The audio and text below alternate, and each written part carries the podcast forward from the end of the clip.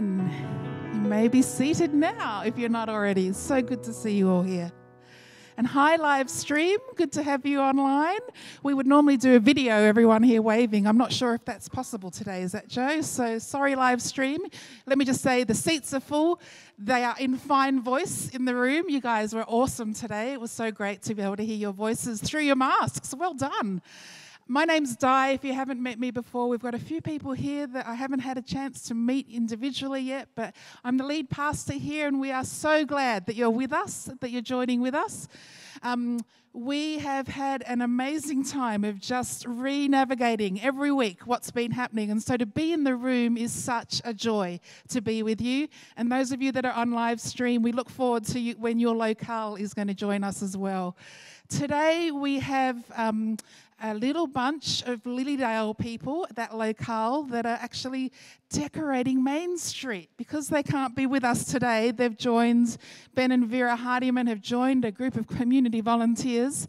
And so if you drive through um, the Main Street of Lilydale later today, those decorations have also been part of our Loving Lilydale. So it's really fun that there's been a, a, number of different opportunities to arise with that. And when we can't be in person, our church is off doing other things, and we love that. We love being a part of that.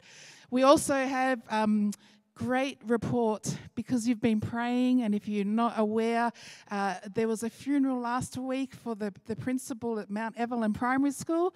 And as part of our response to that, we, we just felt to buy each of the staff at Mount Evelyn Primary School a little coffee voucher the day before the funeral. And that was received so well, and they just felt the, the love that we were sharing just through a small act like that. And the assistant principal has just passed on our thank, uh, their thanks to us as well. So thank you for praying. Continue to pray for that little school community as they move through tough times, but also that they continue just to know what a great job they're doing. we also have. Um, at this time of year what we call the festival of giving which has been a little bit tricky to do in this in these circumstances. Last year as part of our festival of giving giving back to our community we did 15 backpacks. Remember that? Well we went and asked the school whether we could do that again and fill them with toys for some of the kids that may not experience christmas in the same way that others would and again, with all these complexities of times that we're living in, it's just not possible for us to do that. So we will revisit that again next year and we will look for creative ways this year to be um, just loving people around us through the Festival of Giving. So again, um, we just know God's going to inspire that and we hope that you might come with some ideas as well about ways that we can love our community. Um, we have something really special to do today, and it's a sad, good thing. Steve and Nicolette, would you like to come forward? Let's welcome them. They're moving very slowly. there are a lot of people on the move at the moment, and as part of our church, as you're experiencing today, when we're together, we love having people in the room. Just there's great. Thank you. There's the live stream. Do you want to wave to them? Yeah. so this is Steve and Nicolette, and they are starting a new chapter in a new country town, right, Brother Glenn? If, if you're on our Facebook page, you would have seen some of that story. If you're not on our Facebook page, join us and you can read the full story.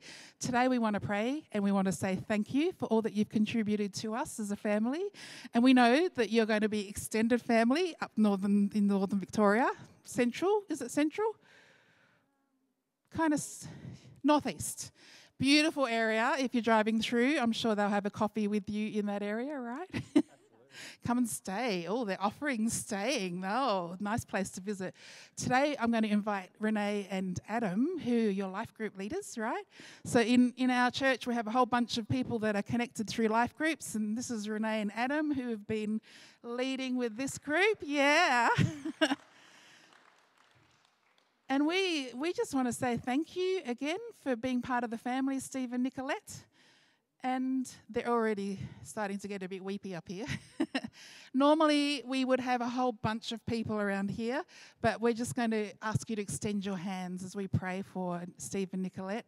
I'm going to get Adam and Renee to do that as well in a moment. So I just want to bless them, and I'll hand the microphone over to you guys as well, all right? So let's just extend our hands.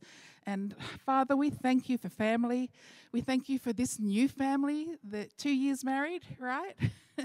nearly almost two years married, and we just thank you that they are establishing something good with their lives right now through their marriage and their family, and they're moving to be closer to family. So we just release a family blessing on them now, that as they go to this new chapter, that your presence, Father, would be so strong with them, opening doors of relationships and connections.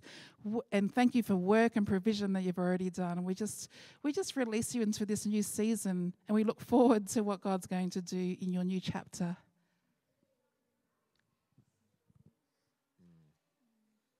Just get my mask down so you can actually hear me. There we go.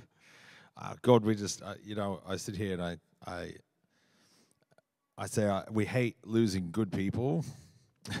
we just we uh, well we hate losing any people. But we hate losing good people, especially more than that. And uh, we, uh, but we know that even as we we lose these two very good people, that uh, you've got plans, you've got things for them to do and ways for them to engage with uh, a different community, um, and we would not want to hold them back uh, from that and uh, we celebrate what it is. We celebrate in advance all the things that you're going to do in them, you're going to do through them, you're going to do for them, and you're going to do through the community.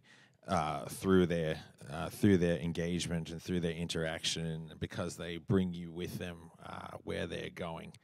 Uh, so we we pray a blessing over Steve and Nicolette first of all, but we bless them with the things that you have for them to do, uh, it is priv- it's a privilege to serve you in the world.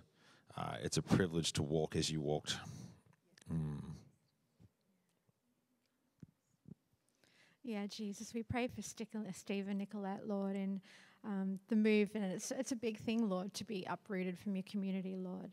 But I pray, pray that as they move on, God, that you would just establish them and settle them in Rutherglen, Lord. Lord, I pray for deep community connection, Lord, and may their, their roots just run deeply and widely, and that they would connect strongly with their new community, Lord. I pray for acceptance in that, and Lord, and I pray just for, um, yeah, just a real establishment in, in this new place for them, Lord. We thank you, Lord. Amen. Now, if you're wondering, we, we live in a world that has both seen and unseen. And so, what Marlene was doing there was as part of our dancing, it was a prophetic dance. And you would have seen that some of the things that, that she, her movements actually was releasing and blessing. And so, we're just so glad that our unseen world sometimes gets seen through artists and through dance. So, thank you for being bold enough to come up for that. um, we expect that you have some practical needs this week, right? I believe you got you need some help with um, moving. Yeah. So look at their faces; they're tired. if you have some energy and you know some people that would like to help, what day are we talking about? Well, we're actually looking. We're actually looking at being a bit flexible because we realised that initially the date was the 9th and the 10th, um, the afternoon of the 9th. But if need be, we could possibly do it next weekend. Yeah. And we're not going straight into our house. Unfortunately, there's a month where the people up at Rutherglen are not ready for us to move in yet. So we'll be living out of car- our caravan on somebody up in the community who we don't know has just very kindly said, Come and park your caravan. We have a spare bathroom, and yeah, which means I don't have to do the commute to Preston four days a week.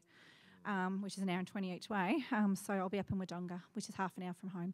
Um, so if there's anyone that can help us on the date that Simon Goes has put up for us, if not, we're looking at maybe next next weekend, Saturday, if we can move the truck for that day. Just a few strong men. Anyone strong was that what she was saying? So I, I know we've got we've got really strong strong men and women. I know it's good. See these guys today. If you could offer for that, that would be really helpful. It would be great for them to be feeling relieved and supported in that way. But we also recognize that, you know, God's going to provide just as He has with jobs. And so we look forward to seeing how He'll do that. Okay, bless you. enjoy the rest of your. Did you want to say something?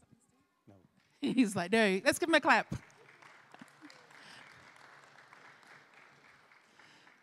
well, it's it's family and it's good when people are moving to good new things but it's also hard isn't it? And so we it's not often that we get the privilege of being able to bless people. Often people are just often we haven't been able to say goodbye. So i just really value that we as a church can now be praying with them into their new story. Would you like to welcome our speaker for today, Mr. Rob Carter?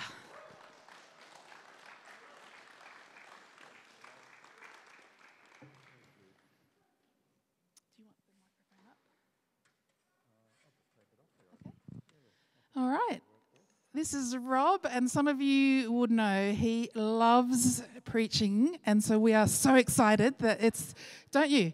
It's, it's such a gift for you. Love, as in good passion. You're all laughing, but we, he loves it. and so he's, he's brought a really good word for us today that we're going to hear. And we look forward to what's on your heart, Rob, and how God's been speaking to you. And I just pray blessing over, over the delivery of that today, that we would have ears to hear. Bless you. Wow, that sets me up, doesn't it? um, yes, I, I, do love the opportunity to, to get to talk to the people of God from His book, from the Word of God. So I've put it on the ground, but I pray everything I say is coming from that book uh, this morning in, in the best possible ways. Um, just before I do, one, one quick point for all of our prayer a number of you know Ron and Ann Matheson. Raise your hands. You all know Ron and Ann. Yeah, yeah, yeah. You know that they're getting to come home for a bit over Christmas. But you will also know off yesterday's news uh, that another strain of COVID coming off the continent of Africa, particularly out of South Africa, um, we just don't want it to jeopardise that. They're coming from Uganda. For those who don't know, they've been uh, committed um, members here and doing an amazing work with a Christian school in Jinja, Uganda. So looking forward to coming home because they haven't been able to. And we, uh, I'd invite you to be praying with us that nothing, in fact, I'm going to pray right now. Can I do that? And you can just be thinking of Ron and Ann, and if you don't know them, just bless them anyway. We say, Father, Father, thank you for your big family throughout the earth. Thank you for Ron and Ann and for who they are to us and to what they mean to the people there in Jinja. We're thankful for them, Lord. And Lord, as you've opened a door for them to be able to come home to see their family here, their literal blood family, Father, we ask in Jesus' name that nothing will stand in the way of that. That uh, flights will be able to come from Uganda to Australia easily. Um, and we speak release for them in Jesus' name. Amen. Amen. One other thing that's not on the script, but that I do want to say, and I'll look at the camera for a moment to say this too. I want to honour three people, and I'm talking about our staff. Uh, to Di, to Joe, to Trav, a big thank you. I want to honour you for the way you have helped help us meet, help us do this keep so many changes. We're all aware every time we, you know, every week, every day, another change has happened in the news as to who can do what and who can't, and how many you can have, and how many you can have in the room. So, on behalf of family here today and you who are watching, I say, bless you, my friends. Thank you for going above and beyond, um, being able to pivot so quickly and put out a new notice and a new fact and a new whatever um, your labours are a, a blessing to us. So thank you very much. Would you join me? Bless you guys. Thank you. Um, just as I, I, came in the room, you can put, could put the first slide up, Joe. Thank you. Um, Di actually invited me, and I think because she said, Well, you were an Anglican once, so you might understand these things. Uh, but in the Christian calendar, there are seasons. And in more formal churches, and certainly the Anglican Church, would be acknowledging today as Advent Sunday. And it's just been seen as that nice little patch of weeks that lead us up or point towards Christmas. Okay? And uh, somebody just sort of said to me, Well, Advent's not really a Bible word, is it? No, Advent itself is not a Bible word. But as is on the screen there, it's, it's in fact from a Latin word adventus, which comes from a Greek word parousia, which is all through the Bible, looking towards the coming, looking towards the coming, and in particular, looking towards the coming King who will reign supreme over all things. So, the season of Advent, as the name suggests, is a season of looking forward to some great coming event in the future. And it does appear on the Christian calendar just four Sundays before Christmas, and it serves the church as a precursor to Christmas. And in particular, we're saying by that the Nativity, the birth narratives, the celebration of the birth of Jesus, that most wondrous event in history where Christians affirm that God took human flesh, became Emmanuel, God with us. Hallelujah. Thank you, my friend. Yes, hallelujah. Um, and Advent also points, it also points to another glorious truth that Jesus will return as King at the end of time. Throughout Scripture, we keep hearing mention of the day of the Lord, the day of the Lord, the day of the Lord. And the word days of the Lord, that while we can say them with great strength, we have to say that was a day of the Lord and it brought disaster. The prophecy of Joel will show you that. There was a day of the Lord when boom, and the day of the Lord when boom. But he also said, There's going to be a day of the Lord when I'll pour out my spirit on all flesh. Okay, so there's the day of the Lord. And that's what we're also celebrating that great day of the Lord, heralded throughout Scripture, when the kingdom of God, the little bits that we get to taste, the little bits that we get to see, will be finally consummated, and all things, all things will be made new. I get excited by that. I get excited at that thought. For all this mess that we're going through, the day of the Lord is coming, a day of the Lord, when the kingdom of God will be consummated, it will be fulfilled, and everything will be made new. So, a theme I want to begin with you today, and Di's been brave enough to say, Do you want to pop up for the next couple of weeks anyway and do a little bit more? On this Advent theme. So, this uh, theme I want to uh, begin with you today is what I've tried calling. I tried calling, and then I dropped this title. I tried calling it The Comingness of God. That was my first rather clumsy attempt when I wrote a title on a bit of paper, which is just terrible grammatically. And there's no such word as comingness, you're quite right. So I'm simply going with the God who is coming. You think you're making a big meal out of this, Rob, talking about it like that. But you see, my struggle was trying to capture an understanding that coming is somehow descriptive of, it's somehow intrinsically tied to who God is who he is in relation to us, the ones who've been made in his image. So, my big point, if you get nothing else from me today, my big point that I pray that not you haven't seen, you probably know this all too well already, but I'm going to tell you about why it's hitting me with fresh force. My big point, the contention I put to you today is this that throughout the scriptures, God is the coming God. And this is a deeply biblical movement.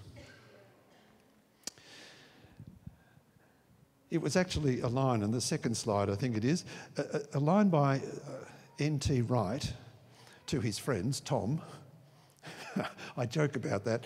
He always wanted to just be called Tom Wright, but his American publishers wanted to put NT in the front of everything, so that's how it turned out. Same guy, NT Wright, Tom Wright, very prolific writer, and I just love his work. But he really got me thinking, and it came almost as a throwaway line in a little devotional on this season where he said this cut Christmas out of the Bible, thinking here now just the Nativity, the actual story that tells about his birth, and you'll lose three chapters. Try cutting Advent, coming, and you lose half of the Old Testament and most of the New. And I thought, what? That's how it first struck me. What? What's he saying here? And the more I've pondered this, the more excited I've become about the notion of Advent. And if you don't like that word because it's an old churchy word, that's fine with me. It's the notion of coming as I now see it in a way that I just hadn't seen it before. So, my enthusiasm about this is this God has always been coming.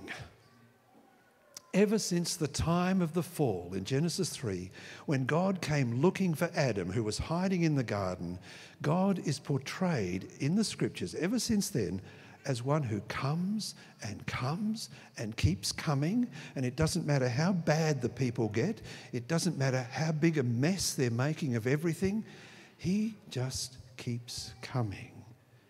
He is relentless. Coming towards people. His desire is for them to turn around towards Him so that He can restore them to their rightful place and embrace them as his beloved children. This is the God we come and sit before today. We have a worship song that I think Trav might have introduced it first to us Reckless Love. And the lyrics speak of a God who would chase me down, fight till I was found. And when I, you know, this song and others that I could think of, are these theologically good words? Are they proper? And I'd have to say, probably not. But to demand that of some of our, our songs would be to miss the point. These words, and many like them, may be a little reckless in themselves. But singing them, I have to say to you, singing them in the assembly with you has made me cry at times as my, my spirit's just been touched in the moment and I felt his love. And I thought, it is a reckless love. It's, it's, it's indiscriminate, it just goes boom. And so there's times where I've needed words of that kind, not the nice, tight theological words that says, God loves you, that's the truth. Or God is love, that's the truth. But just to know that He chases me down. And I pray that every one of you might know that if you've not known it before, that this is the God that we come to. My question that I put then is is it just a theological proposition that God loves me? Or is it your experience? That God loves you and is for you needs to be more than just a positive thought or a proposition. I grew up being taught about propositional revelation. You know, it's all about getting all your propositions right and lining them up, and it's nice and theologically tight. And I say, yes, yes, that's good. But can I know it? can I know it? God wants us to know it. And so, my hope for everyone this morning both here and you at home, or if you're watching later on YouTube, however that happens for you, my hope for everyone is that you understand about the God who is coming, that that understanding will grow. But more so, that we will experience his coming more often, more deeply, and perhaps in some surprising ways. Because when you think about it, his first coming and taking human flesh was a total surprise for everyone and not what anybody expected. The God of the Bible has always been a coming towards you God. And so, as this coming season, this Advent season, prepares us to celebrate the birth of Jesus. And I want to say, go for that with all your strength and heart. And also draws to mind the confidence we hold in Jesus' return. He is coming again. May we also see that, and here's my next slide, is that Jesus' coming has constancy. The words of Jesus at the very end of Matthew's gospel flag this for us. What it was like on the Mount of Olives, on the time, moment of ascension, I don't know. It must have been staggering. But Jesus was then to say to them as a parting word, among the parting words, Surely I am with you always to the very end of the age. Surely I'm, I'm always with you. Whether you're feeling it or experiencing it or not, Jesus is saying to every one of us who would call ourselves a follower of Jesus this morning, I'm always with you. I'm with you in the midst of this. Whatever that's been for you right now or how bad it's been, I'm with you. I'm with you. From the Gospels of Mark and Luke, we learn that having spoken these, along with other final words from the Mount of Olives, he was taken up into heaven to take his place at the Father's right hand. But Jesus is not sitting on a throne passively anticipating some future date when he gets up and moves towards us. Rather, like Aslan was in Narnia, Jesus is on the move.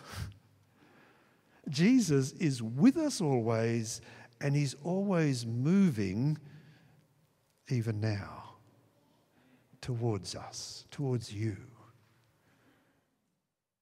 And on this season, I want you to hear that. I pray you, you hear that. That no matter how it feels, where you're aware of it, Jesus is moving towards you. And maybe even part of the reason that you're here this morning, because he's called you. He is coming is a statement about the future, but there's a constancy in his coming. I'm going to leave uh, Adam or someone else to preach on Revelation sometime. They do that far better than I would. but in the first chapter of Revelation, John writes, Look, behold, if that's your Bible, look, he's coming. And this same declaration about Jesus that appears right there within the first few verses of, of the book, this same declaration about Jesus' coming appears three times in the closing chapter of the book, only now it's in the first person. Jesus says, Look, I am coming soon. Chapter 22.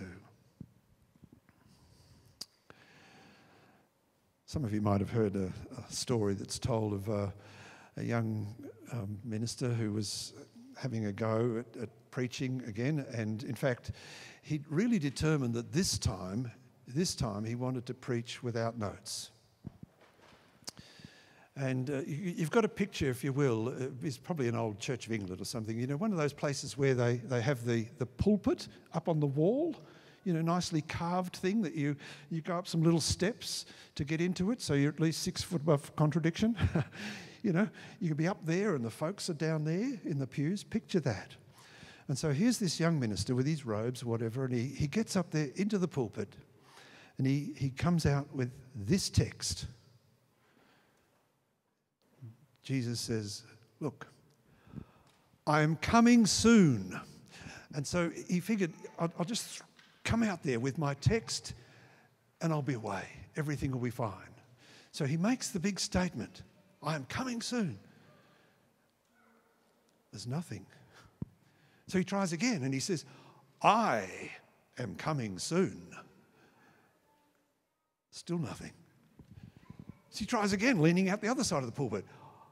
I am coming soon. You can see where this is going, can't you? And he goes, I'm coming soon. And he's just getting desperate. And he thinks, one, one last shot. I've only got one, one last word to work with. So he goes, I am coming soon. And as he says it, with such gusto, he throws himself over the top of the pulpit. And he ends up lying right across people all sitting there in the front row. And he's got his head right in the lap of this little old lady. And, she, and he's saying, Oh, I'm so sorry. I'm so sorry. And she says, That's all right, young man. You gave us plenty of warning. Terrible. It's a dad joke. the repeated assertion that Jesus, the Lamb of God who takes away the sins of the world, is coming is not will come, but is coming. The process of his coming is always happening, and it's happening at this very moment. And why and how is this important? Well, I'm persuaded that if we can lay hold of this truth in these days, in the midst of this dramatic worldwide upheaval that we're all experiencing, if we can allow the truth of Jesus' constant coming to permeate our hearts and our minds, we will experience a refreshing of our souls, mind, heart, and emotions, a release from any anxieties and fears, because we discover in it and through it and despite it, Jesus is coming, even to me now.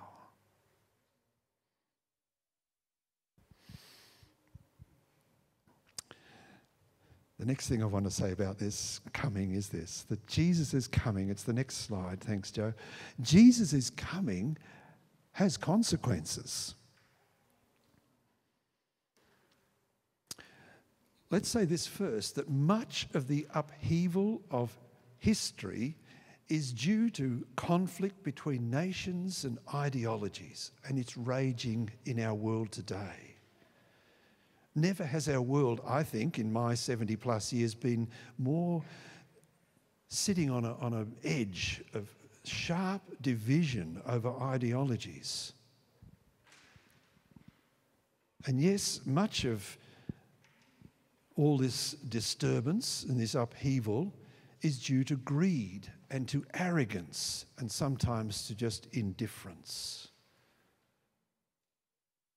But behind it all, behind it all, there is a whole spiritual dynamic that going on too, that because the final call, cause, if you like, of Jesus' coming is really what the book of Revelation is on about, is what it reveals.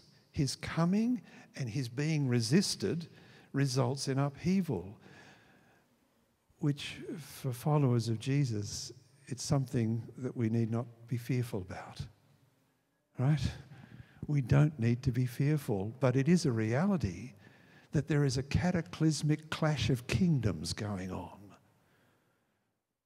The reign of Jesus breaking in on the world. And we love it when we see it spilling out in all the, the ways of his, his love, of his healing, of his winning people to him. But there's elements of it where there's great resistance that's going on all of the time, too. But we need not be fearful.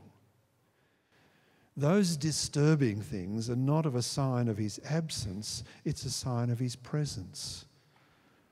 I wonder if we can see that. It's unnerving, but it's in the book too, of sort of saying there will be a lot of upheaval, a lot of disturbance. Jesus is pressing in on the world, and that pressing generates great upheaval and great turmoil. And that's why John uses the word must in the very first verse of Revelation, chapter 1, verse 1, where he says, This unveiling, this revealing by Jesus is given to show his servants what must soon take place. The little province of Judea experienced a flurry of trouble in Jesus' day, disproportionate to its insignificant place in the Roman world. A disturbance, as we know, that culminated in Jesus' execution. What Rome may have dismissed as a bit of insurrection in the boondocks of Judea was, in fact, a clash of kingdoms. The kingdom reign of God clashing with the kingdoms of the day. And the last book of the Bible, with all its symbolism and imagery, stands to remind us that upheavals and turmoil must take place. It's a consequence, it's a part and parcel sign of God's coming kingdom. And the first century churches of Asia Minor, and we should notice this, the first century churches of Asia Minor to whom Revelation is first written were certainly experiencing more than their share of upheaval and strife. My take on this is that from the first to the 21st century, this invasion of the cities of the world by the city of God has always been marked by turbulence and upheaval. And just knowing that is a bit of a relief. We go, ah, that's normal. Sometimes we want to claim normal as when everything's comfortable for me. Yeah, I do. I want that to be my normal, thanks very much. But it isn't. So here's my last slide. The time is near. Revelation 1, 3, 22, 10. Ever since Jesus' ascension into heaven, people down the ages have speculated about the timing of his return. In the first century, there was rumour in the Thessalonian church that they might have missed it. That's the Macedonians. But the end of any century has been cause enough for renewed speculation. And the end of each millennium has been a definite spike in end of world predictions. Uh, enough of us here today have, have lived through that, just going from the 20th into the 21st century. Huge speculation. Here's a, Jesus is coming, Jesus is coming, this is it. But we just need to recognize there's been spikes every time that that happens um, at the end of a century or certainly the end of a millennium. Crises like earthquakes, famines, wars, and yes, pestilences crank the handle. And I don't know where you've been moving or thinking or watching, but there's a lot of people ready to kind of prophesy and say, This is it, this is it, this is it. My only problem with all of that is, and what is little old me going to do about it? Nothing other than to be ready. Look, to be generous, I imagine that most of the speculation that does come from sincere, uh, come from sincere and earnest attempts to encourage and to enthuse the church. I mean, having the scoop on Jesus' return can get our juices pumping for anyone with a pulse. I mean, hey, it's like that. Whoa, is he about to come? And all I can say is, today I'm one day closer to his return. But sadly, you see, some proponents have been too ready to run with all kinds of cutting and pasting and mathematical gymnastics in their use of Scripture, in my view, paying undue attention to the symbolism and imagery seen in Daniel and especially in Revelation in order to get there.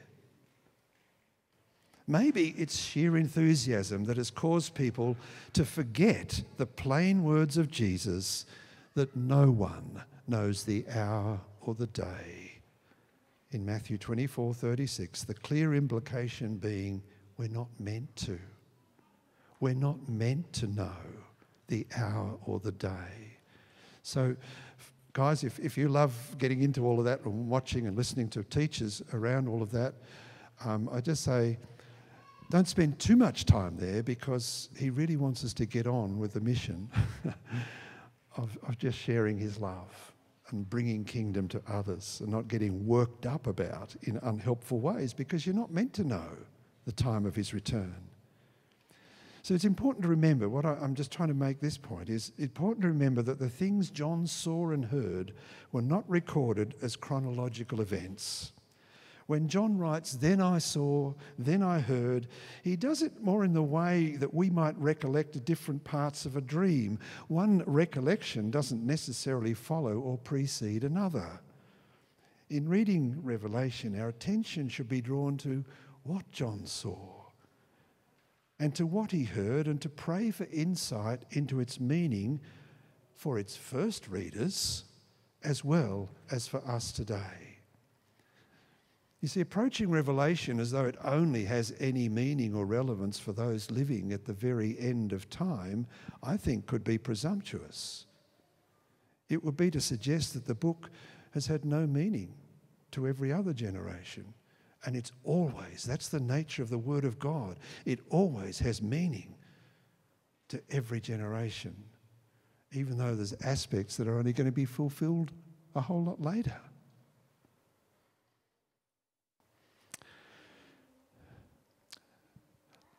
Life, life is experienced in this continuum we call time. And we feel constrained by it, don't we? I do. Everything's past, it's present, there's a future, and that's the constant thing that I'm, I'm, I'm forced to think about. And so there's a tendency to insist on knowing when or how soon these things will happen. And yet, for God, Scripture says, a thousand years is like a day. Now, if that was to be taken literally, that could mean that um, well, we've had two millenniums, so Jesus has only been gone for a couple of days. Sorry, I'm playing with you a little bit there, but I think you're meant to, we're meant to read our Bible with this sort of understanding, because it's like that with God, and our little pea brain minds of understanding are so small against His. And in fact, here's the thing the word soon that we translate it's very inadequate because the Greek taxu is not so much to do with the timing of things happening, but with their certainty. So soon means definitely, certainly. Jesus says, I am coming soon. Definitely, I'm coming. That's what he wants us to hear, not start to put a time thing on it, which messes with us altogether. These things will definitely happen. They are signs to us of the certainty of Jesus coming soon. I'm finishing. The very first verse of Revelation speaks of things that must soon take place. And the very same phrase appears at the last chapter of the book the things that must soon take place. This great unveiling which is the essence of Revelation. This great unveiling by Jesus through an angel to his servant John was given that all servants might be assured that he is coming, even now. Friends, I'm finishing here, and I believe we're to finish this way. I believe we just want to be able to take Jesus at his word. He is with us. We know that. And yet, his word to us today is, I am coming. And I would come to you right now. And there's no better time than today, this coming season, than to ask him to come and to meet us in any or all of the ways we may be needing to have his assuring presence come again. And we're going to make space here this morning to say, Come, Lord Jesus. So I just need to say to those who've been live streaming with us, I'd encourage you to be doing this in your home or whatever time and people that you might be with, to take time to say, This is the coming season as we look forward to Christmas. But let's be asking Jesus is it the carol, Hark the Herald Angels Sing, that says that he might be born anew in our hearts today? It might be one of these moments where we just want to say, Jesus, come to me. Come to me. Be born anew in me today. Farewell to live stream. Bless you. Thanks for listening. Catch you soon.